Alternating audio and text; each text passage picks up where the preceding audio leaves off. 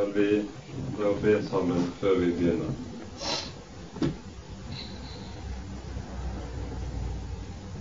Kjære gode og trofaste Far. Takk at vi skal få lov til å komme til deg og kalle deg for Far, fordi du har gjort oss til dine barn ved Jesus. Takk, du hellige Gud, at du nettopp også steller med oss som far og gir oss alt det vi behøver i stort og smått i alle forhold i livet. Nå ber vi deg også at du vil komme og gi oss det vi trenger her og nå, for at vi kan få lære deg mer å kjenne som den du er. Vil du åpne våre hjerter og gjøre oss stille for dine ord? Og vil du også gi meg de ord som er fra deg, for at vi må få lov til i sannhet å akte på deg. Amen.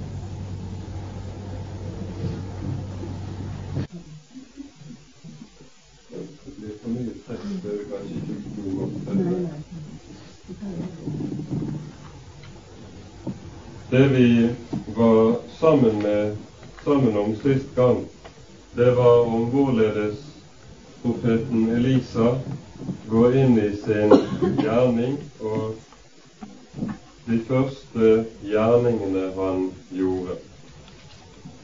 Vi så hvordan han møtte motstand allerede i begynnelsen av sitt virke i Betel, og senere hvordan han som den som er bærer av Guds ord i Israel. Det er den som også berger livet, ja, gir Israel livet. Og dermed så skjønner vi også, ser vi også, slike menn som Elisa. Det er de som representerer Israels, Guds folks, sanne styrke og sanne liv. I ham, og på ham sannes det disse ordene som ble ropt ut av Elias kor til himmelen. Min far, min far, Israels vogner og ryttere. Elisa og de andre profetene med ham, de er slike vogner og ryttere, slike som er Guds folks sanne styrke. Fra dette som vi var inne i andre kongeboks tredje kapittel, kommer vi nå til det fjerde kapittelet. Og vi møter en helt annen slagmark, om vi kunne si det slik. Og jeg tror vi leser sammen de syv første versene her i det fjerde kapittelet. En kvinne som var hustru til en av profetenes disipler, ropte til Elisa og sa:" Din tjener, min mann, er død, og du vet at din tjener fryktet Herren. Og nå kommer en som han sto i gjeld til, og vil ta begge mine sønner til teller. Elisa sa til henne, Hva kan jeg gjøre for deg? Si meg, hva har du i huset? Hun svarte, Din tjenerinne har intet annet i huset enn en krukke med salveolje. Da sa han, Gå til alle dine naboer og be om å få låne hjem noen tomme kar, bare ikke for få. Gå så inn og lukk døren etter deg og dine sønner, og hell oljen i alle karene, og etter hvert som de blir fulle, skal du sette dem bort. Og hun gikk fra ham og lukket døren etter seg og sine sønner. Og de bar karene frem til henne, og hun helte i. Og da karene var fulle, sa hun til sin sønn, Bær ennå et kar frem til meg. Men han svarte, det er ikke flere kar. Da stanset oljen. Så kom hun og fortalte det til den Guds mann, og han sa, Gå og selg oljen og betal din gjeld. Så kan du og dine sønner leve av det som blir til overs.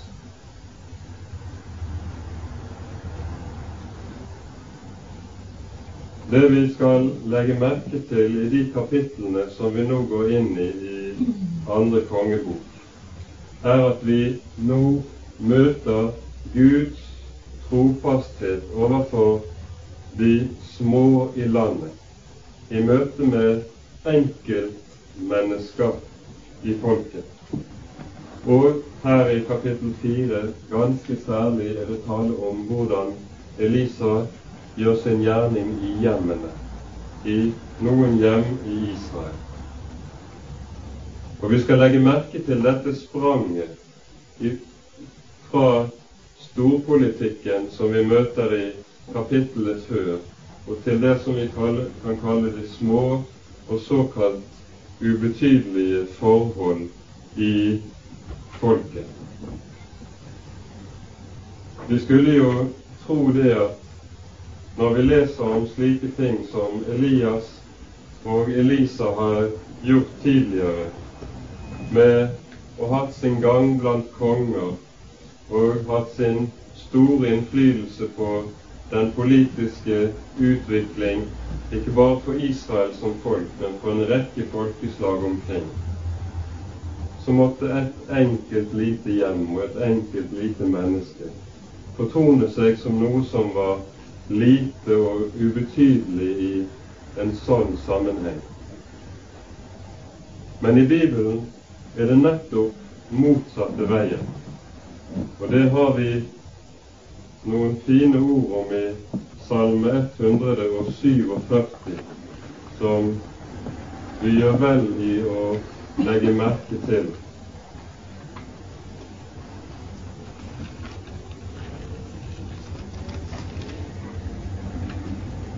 Jeg tror vi kan lese fra vers 3 og et par vers utover. Herren helbreder dem som har et sønderknust hjerte, og forbinder deres smertefulle sår. Han fastsetter stjernenes fall, han gir dem alle navn. Vår Herre er stor og rik på kraft, og på hans forstand er det intet mål. Herren holder de saktmodige oppe og bøyer de ugudelige ned til jorden. Og Legg merke til her hvordan to, disse to tingene nettopp er stilt sammen.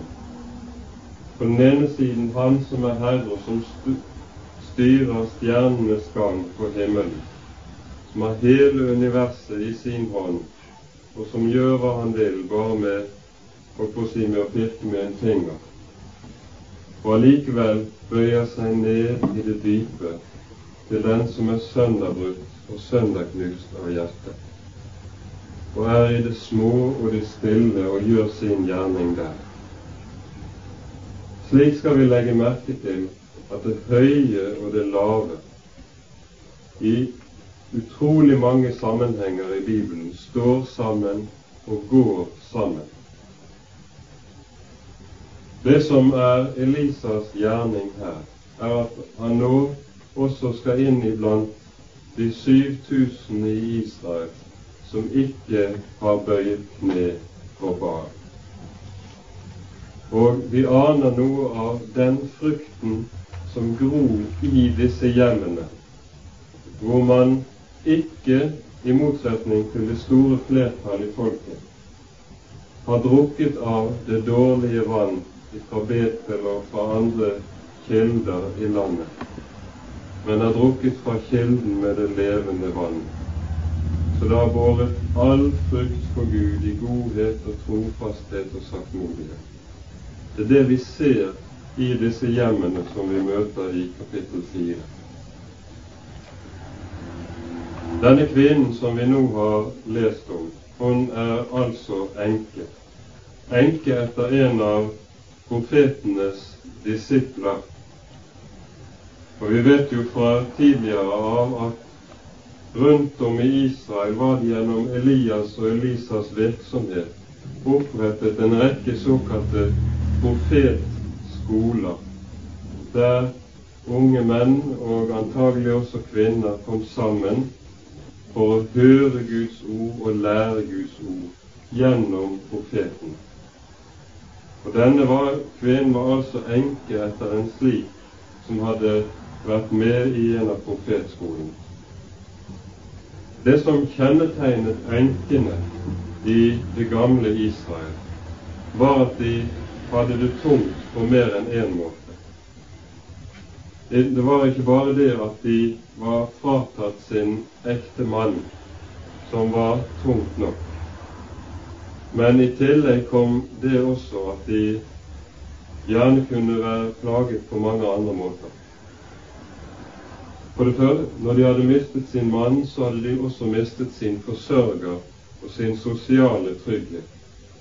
Og i slike tider i Israel som de vi har vært inne i nå, Elias og Elisas tid, frafallets tid i folket, så var de fritt vilt for stormenn som var ute etter bare å berike seg på de små og de fattiges bekostning. Og vi må vel regne med at det nettopp er en slik en som disse står i gjeld til. Men nettopp fordi enkene og de som står uten far, hadde det sånn så tungt og stort så utsatt til i folket, så hadde Gud også gitt særskilte løfter nettopp til akkurat disse. Herren er enkers forsvar og faderløses far, leser vi om igjen og om igjen gjennom hele Det gamle testamentet. Han er den som har et særskilt øye til de som står slik aller svakest og lettest til på hugg. hvorfor denne kreditoren til denne lille familien var så hårhjertet som han var. Det vet vi ikke om det var gjerrighet eller hevngjerrighet eller andre motiver. Det kan vi ikke vite. Men trusselen var helt reell. Det var det vanlige praksis i oldtiden, ikke bare i Israel, men i hele den gamle Orienten at kunne man ikke betale sin gjeld, så måtte man i slaveri. Der var det ingen bønn. Og vi kunne godt trekke inn Davids ord her i denne sammenhengen. Når han i, Det står om dette i andre Samuels boks 24. kapittel, hvor han får valget mellom tre forskjellige straffedommer som skal ramme folk. Er det straff det er to straffedommer som skal komme ved menneskers hånd, og én som skal komme ved Guds hånd. Og så sier David at jeg vil helst falle i Herrens hånd, for Herren er nådig og barmhjertig, men i menneskers hånd vil jeg ikke falle. Han hadde erfart og sett altfor mye av at mennesker, de var slett ikke nådige og barmhjertige. så var hun altså der i stor gjeld. Og jeg tror vi må si gjennomgående i Bibelen så advares vi mot å stifte gjeld. Vel å merke Nå tror jeg jeg må få si det slik at vel, dette gjelder vel å merke privat gjeld på denne måten. Når det gjelder gjeld som kommer mer inn under det offentlige, slik som det av samfunnsmessige grunner kan være nødvendig, slik vi ofte ser i vårt samfunn i dag. Der tror jeg det stilles i en annen, i en annen kategori. Men når det gjelder slik gjeld som det taler om her, så advares vi mot det. Vi skal komme litt tilbake til det nedenfor. Nå vet vi, og nå skjønner vi, at denne enken, hun vet ikke sin arme råd. Og hun går så det som er den eneste veien der hun kan ane et lite håp, i hvert fall. Hun går til Herren gjennom Han som har Herrens ord. Og her skal vi merke oss Vi ser jo ofte nettopp når mennesker kommer i slike situasjoner som dette, så melder det seg tvil, nemlig den tvilen. Har Gud sviktet sine løfter? Har Gud gått fra det han har lovet? Han har jo tydelig og klart sagt og lovet at 'jeg vil ikke slippe deg og ikke forlate deg', sånn at du skal, skal, skal på alle måter slippe både pengesorg og annen slags bekymring. Det har Gud sagt tydelig og sterkt. Og så melder det seg hvorfor får ikke vi det vi trenger i den situasjonen vi står oppe i? Sånne tanker må ha ligget nær for denne. Og fortsettelsen skjønner vi også. Hvorfor skal ulykken ramme slik? Oss som tror på Gud og lever med Herren, mens de ugudelige, de går fri, de har det godt. De er fri fra lidelse og smerte og motgang. Disse spørsmålene reiser mange ganger Bibelens forfatter. I Salme 34 leser vi et ord som samler noe av dette, like som i en sum. Mange er den rettferdiges ulykker, står det, men Herren utfrir ham av dem alle. Altså, det å være et Guds barn, det gir ikke noe løfte om å bli fritatt for trengsler, for vanskeligheter og for motgang slik at det kanskje kan se slik ut at alt er helt svart, og det er ikke noe håp lenger. Det å være kristen fritar ikke fra det, men han har lovet at han vil utfri av det alt sammen. Det som er farlig for oss, er svært ofte det motsatte. Og det leser vi om i Salme 73 Det å leve slik enkelt og trygt som Asaf synger om i Salme 73.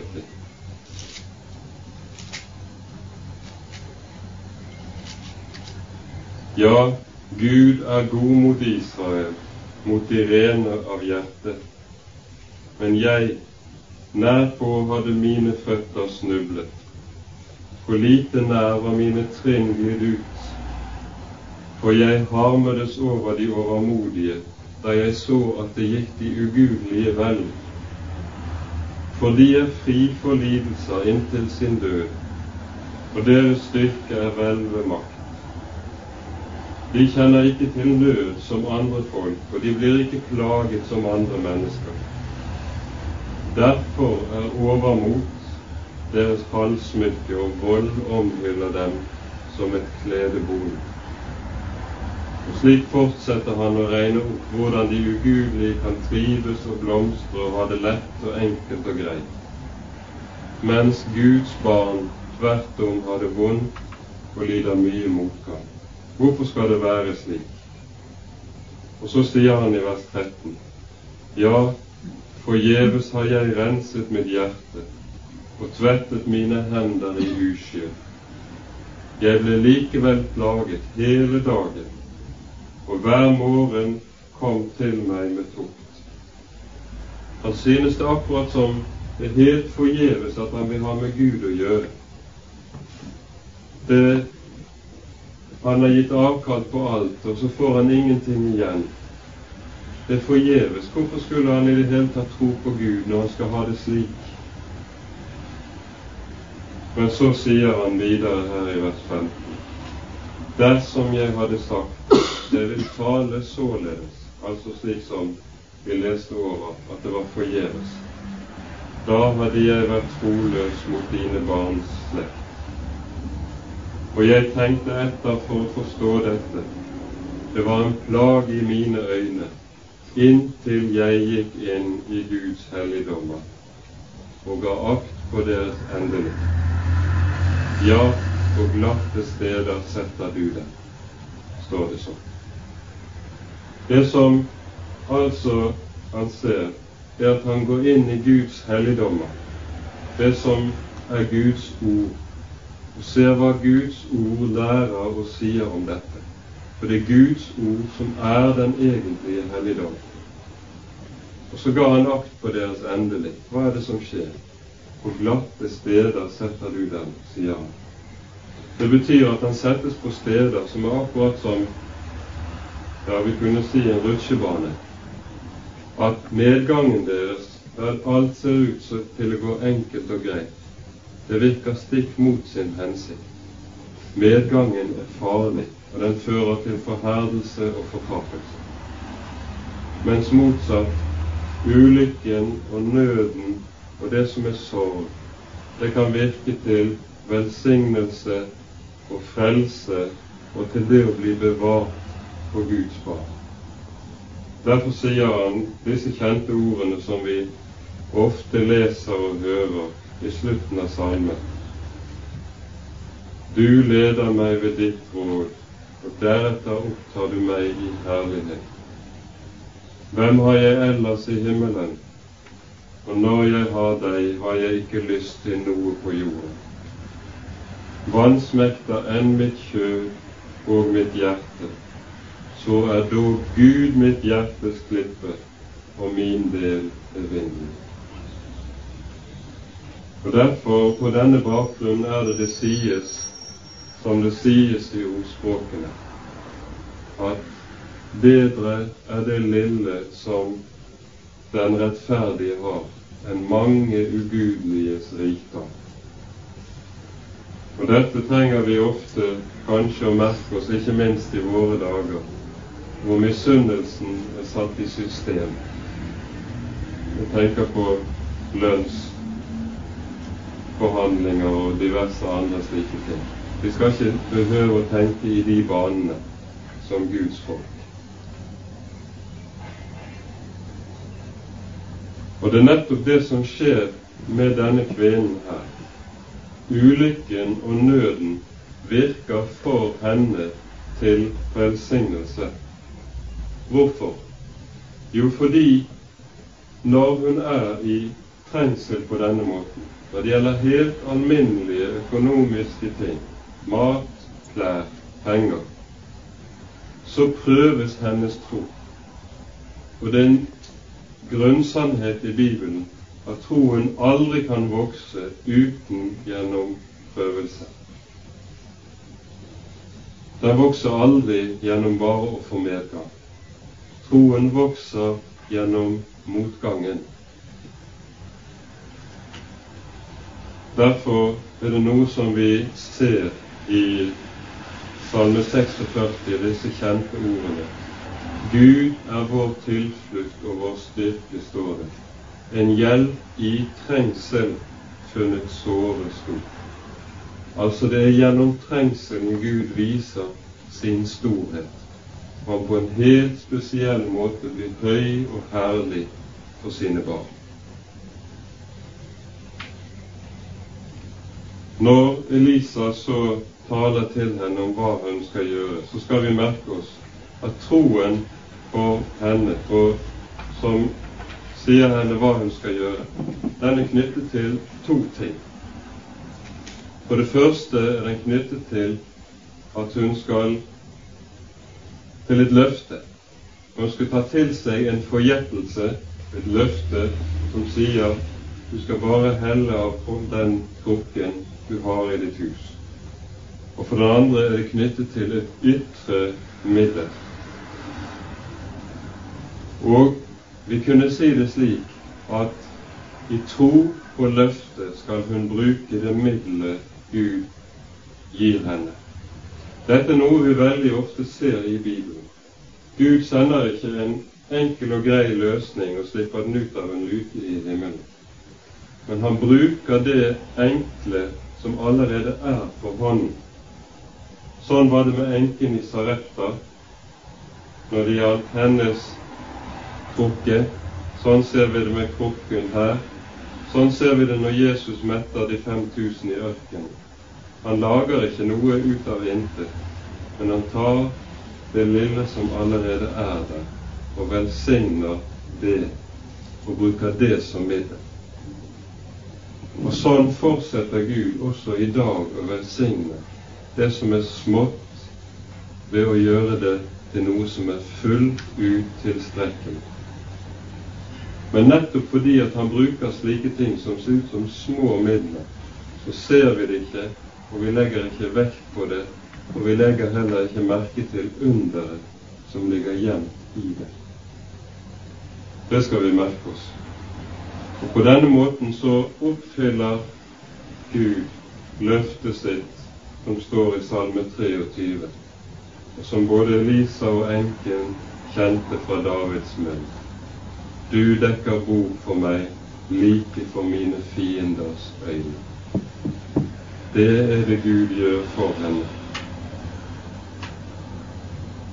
Så kunne vi spørre hvorfor står denne beretningen her i Bibelen og tilsvarende beretninger som dette. Grunnen er at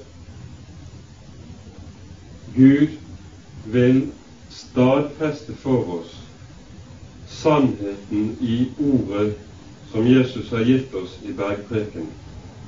Søk først Guds rike og Hans rettferdighet. Så skal dere få alt dette andre i tilgift. Dette er jo et ord, et løfte, som er sagt rett inn i sammenheng med det å ikke skulle bekymre seg for mat og drikke og hva man ellers trenger i det daglige liv.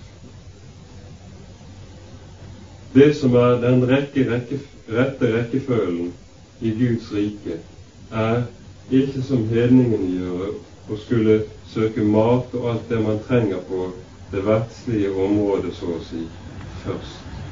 Og så kommer Guds ord og Guds rike i andre rekke, men omvendt.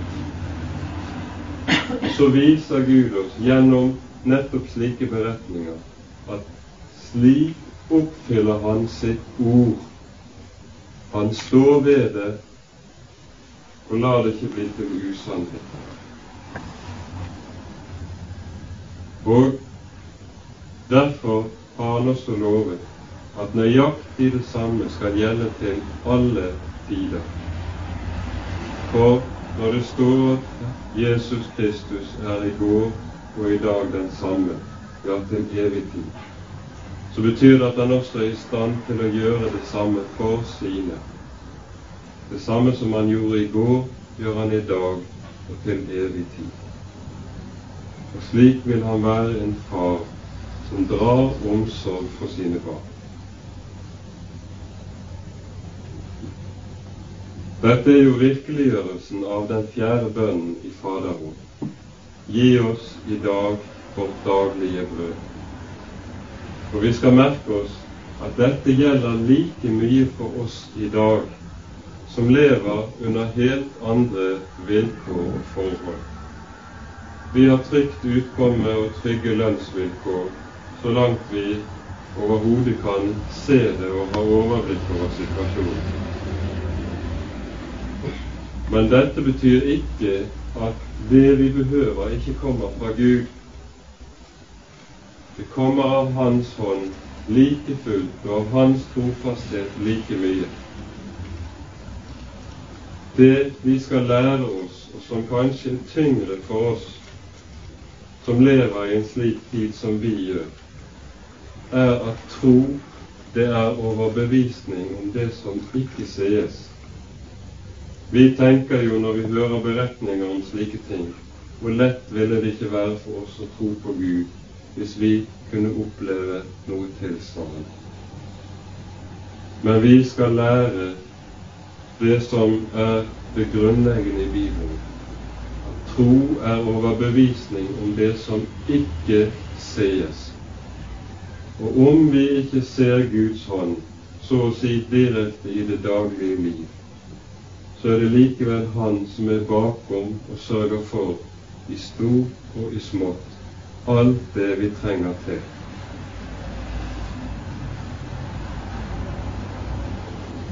Så kommer vi til den neste beretningen som står her i kapittel 4. Og vi tar oss tid til å lese igjennom her også. Da leser vi fra vers 8. En dag gikk Elisa over til Sunem. En velstående kvinne som bodde der, nødet ham til å ete hos seg. Og så ofte han siden dro forbi, tok han inn der og fikk seg mat. En gang sa hun til sin mann, Hør her, jeg vet at han som jevnlig drar forbi oss, er en hellig Guds mann. La oss gjøre et lite takkammer med murvegger og sette inn der en seng for ham og et bord og en stol og en lysestake. Når han så kommer til oss, kan han ta inn der. Så kom han dit en dag og tok inn i takkammeret og la seg der. Og han sa til sin dreng Gehazi, kall på den sunamittiske konen som bor her. Så kalte han på henne, og hun trådte frem for ham. Han hadde sagt til ham, si til henne, nå har du hatt all denne uro for vår skyld. Hva kan jeg gjøre for deg? Er det noe jeg kan tale til kongen om for deg, eller til hærføreren? Hun svarte, jeg bor jo her midt iblant mitt folk. Så sa han, Hva kan jeg da gjøre for henne?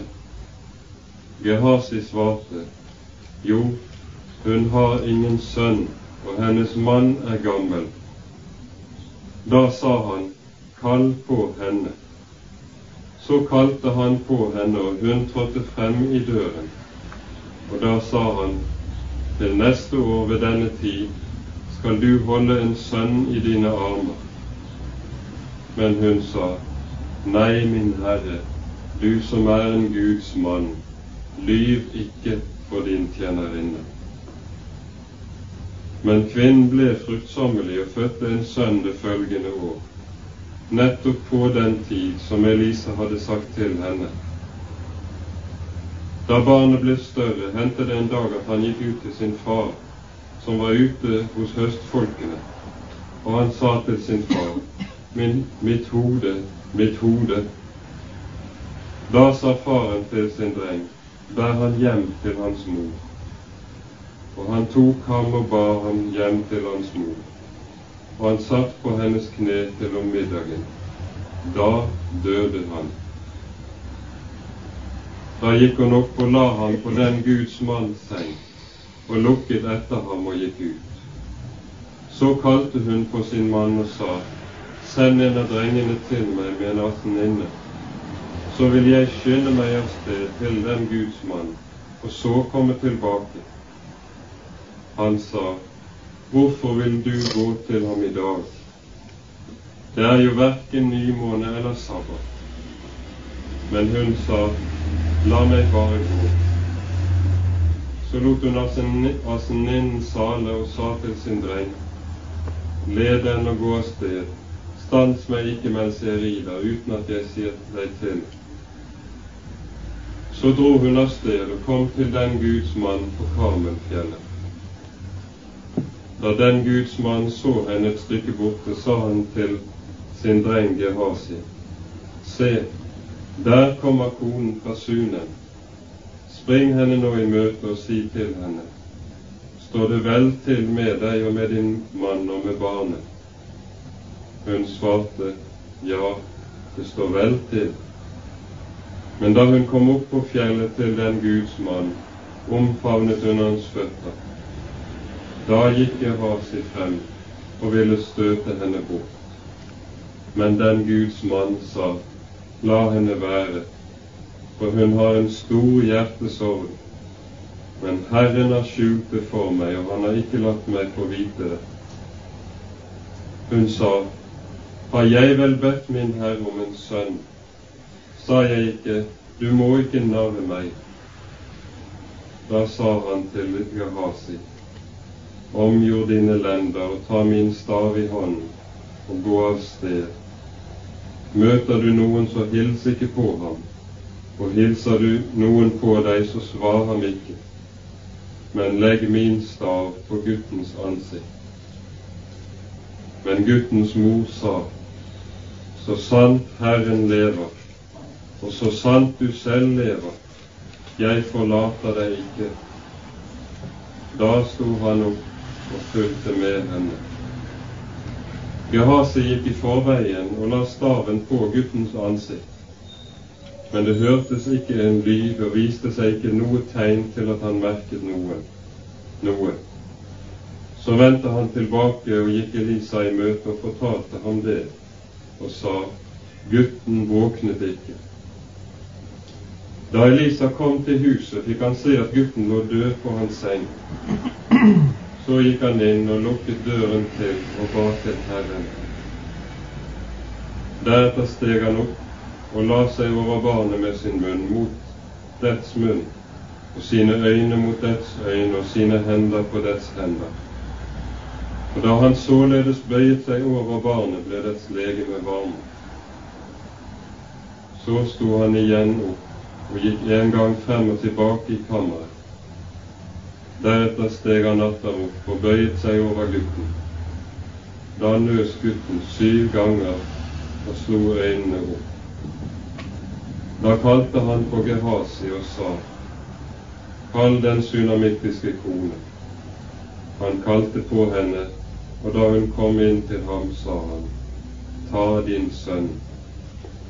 Og hun kom og falt ned for hans føtter og bøyde seg til jorden. Og så gikk hun, tok hun sin sønn og gikk ut. Her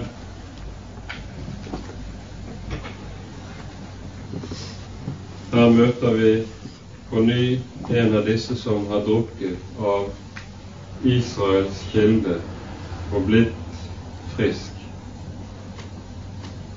Og det som denne beretningens begynnelse, er vi kunne godt si det slik at det er Jesu ord og Jesu løfte som han gir i Matteusevangeliets tiende kapittel når han sender ut disiplene sine. Og han sier det at den som tar imot en profet fordi han er en profet, han skal ingenlunde savne sin lønn. Om han så bare gir han et glass koldt vann, skal han ingenlunde savne sin lønn. Denne kvinnen får i sannhet lønn, kunne vi si, for det hun gjør for Elisa. Hun gjør det ubedt, han har ikke trengt seg inn på verken denne familien eller noen andre. Men legg vel merke til at også denne velsignelsen som hun får, den lytres gjennom prøvelse og trengsel.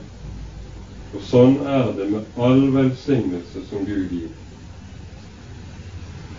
På denne tiden som vi leser om her, så hadde Elisa ikke fast bopel.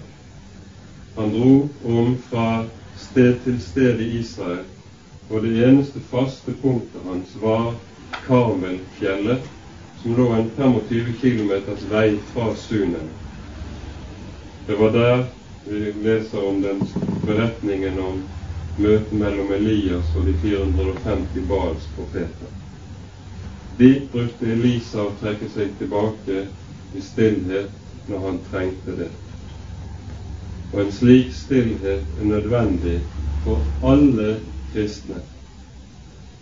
Å være i ulike slags arbeid eller aktivitet hvor det blir en slik rastløshet at man aldri får tid for denne sorten stillhet, det er noe som ikke går for Guds barn.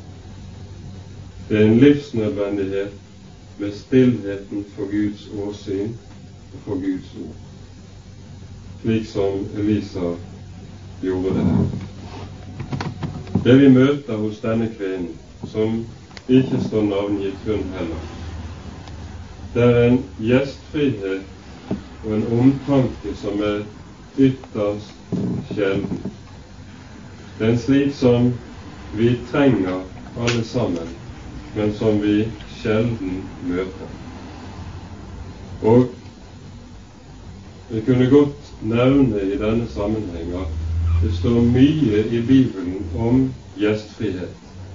Vi kunne nevne f.eks. det som står i Hebrevet 13. kapittel om å være gjestfri mot hverandre, for slik har noen uten å vite det hatt engler til gjester, sies det.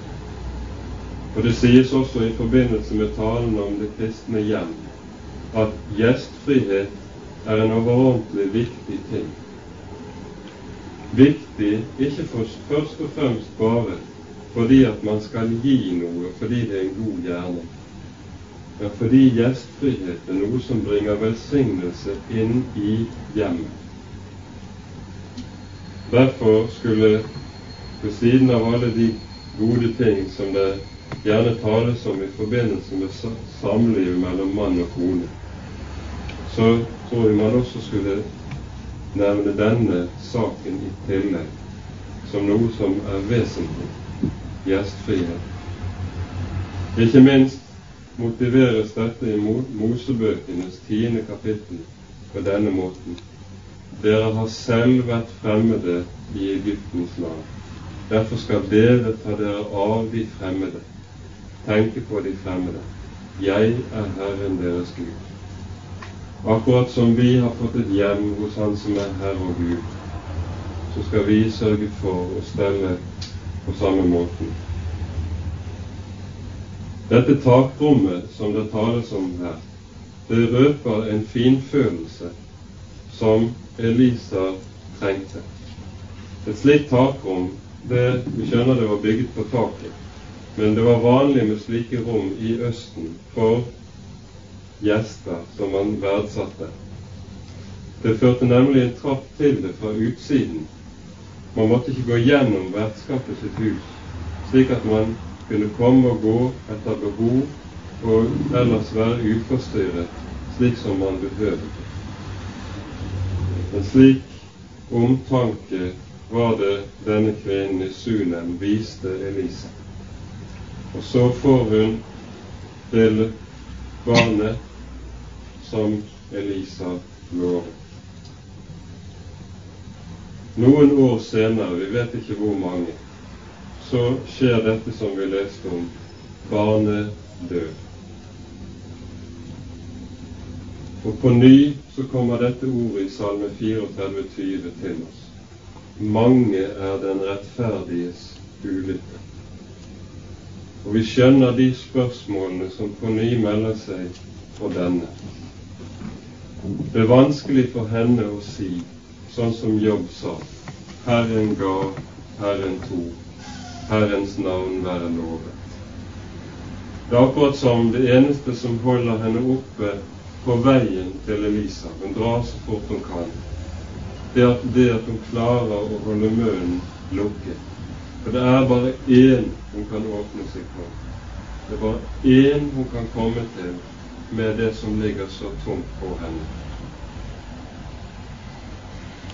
Jeg tror dette er noe av det som kjennetegner sansår, og det som virkelig stikker dypt. Han bærer det ikke rundt på torgene til allmenn beskuelse. Da blir det billig. Da blir det noe som er, er blandet opp med usant.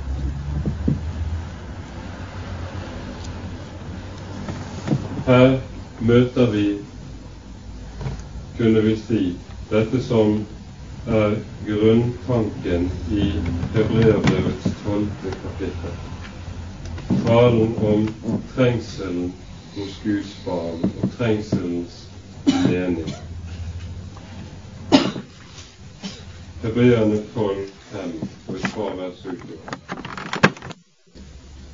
Min sønn, akt ikke Herrens fort ringe, og bli ikke motløs når du refses av ham.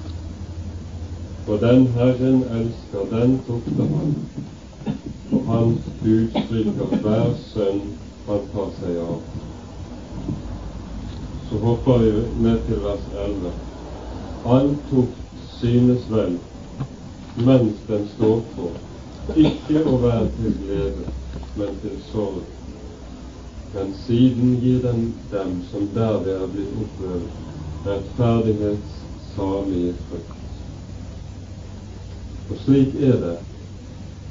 Dette er helt karakteristisk for sånn som vi opplever det når vi er oppe i slike situasjoner. Det er ikke hver dag vi opplever å miste et barn, men det kan være andre ting som er usigelig tunge å gå igjennom. Og Da opplever vi ikke, og føles det slett ikke slik, at dette vi nå er oppe i, til gagn og til det gode. Det føles som det motsatte. Det er akkurat som det er inni, det dreper meg og suger liv og livskraften ut av meg. Men så sies det når det er over, når det er gjennomlevet, når du har gått gjennom ildovnen, gir det dem som derved er blitt oppført, rettferdighet, salighet, frukt. I sånne tider da er det bare én ting som er nødvendig. Og vi ser det én ting som står i hodet på henne. Det er å få komme til Elisa, og i ham og gjennom ham komme til Han som er Herre og Gud.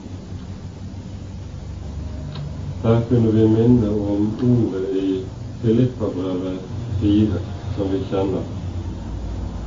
Vær ikke bekymret for noe, men la i alle ting deres begjæringer komme frem for Gud, i påkallelse og bønn med takksigelse.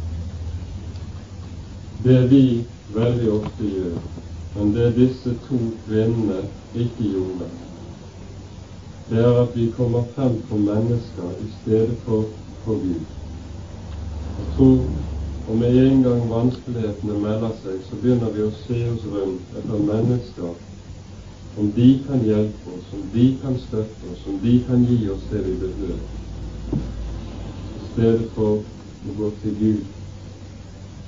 Vær ikke bekymret for noe, men kom, i alle, kom med alle deres begjæringer fremfor Gud, står det, ikke for mennesker. Ofte er det slik at når vi ser oss om og ser oss rundt etter hjelpen blant mennesker, så er det nettopp uttrykk for vantroen. Ikke minst gjelder det kanskje når det gjelder det på det økonomiske området. At man søker hjelp og støtte hvor man kan hente penger, i stedet for å søke hjelpen der som Han har tenkt den og gitt gjennom sitt ord først og sist.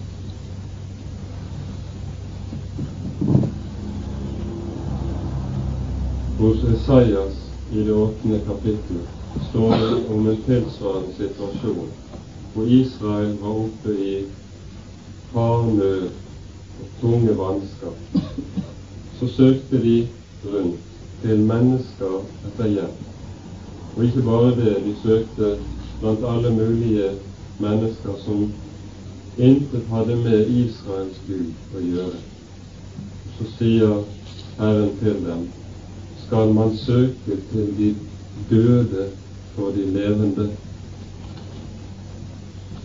Guds folk skal ikke det. De skal søke til den levende for de levende. For det er nettopp slik han som er Herre, ønsker å vise seg for sine som den levende Gud. Og nettopp dette er det som gjelder også i slike tider. I de tider i Israels historie hvor Gud aller mest ble anklaget og ble sagt om han at han er død, han er maktesløs, han har ingen hjelp, og hans arm er for kort til å frelse. I de tidene er det han først og fremst ønsker å komme og si Se, her er jeg. Jeg er den levende Gud. Du skal ikke søke til de døde for de levende. Ikke til døde mennesker, men til den levende Herre. Derfor er det ikke tilfeldig at i Bibelen kalles Herren for den levende Gud. Det er det som kjennetegner alt han gjør, og alt han er. Og slik var det at hun kunne komme til Elisa også. For den kampen denne sunamittiske konen står oppe i, er nøyaktig lik og så å si analog med den kampen Abraham sto i da han ble fratatt Isak. Isak var løftets sønn. Og det som var Abrahams kamp da han ble fratatt Isak, var nettopp dette at Gud glemte han har lovet, eller har han gått fra det? Fornekter Gud sitt ord? Altså, er Gud ikke sandrup? Er Gud ikke til å stole på? Og nettopp dette er kampen for denne kvinnen nå. For denne gutten var på særskilt måte en løftet sønn for henne. Og Derfor måtte de samme spørsmålene melde seg for henne som for Abraham i hans kamp. Har Gud gått fra sitt ord? Og Derfor hadde hun også bare én vei å gå med sin nød med sin sorg. Hun kunne ikke nevne det for en Gehasi. Der måtte hun holde masken oppe og si alt er hell. Men for en Elisa kunne hun falle ned med sin sorg og vite at der ble alt forstått og der kunne hun få også den hjelpen hun behøver. Så leser vi om dette som er en forgjettelse.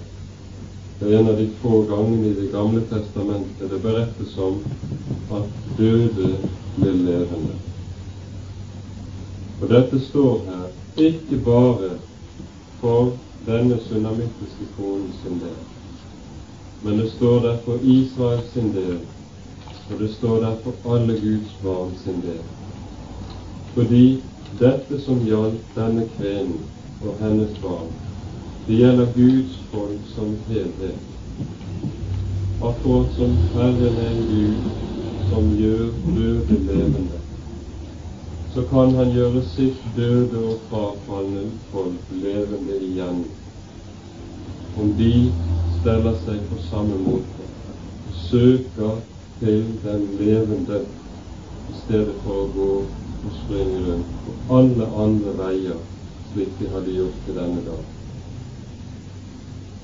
Det samme løftet gjelder oss, våre liv, både privat og når det gjelder Guds folk og Guds menighet i vårt land òg. Vi skal søke til den levende for de levende for å få levende ord fra Hans munn, som vi kan leve på og ved.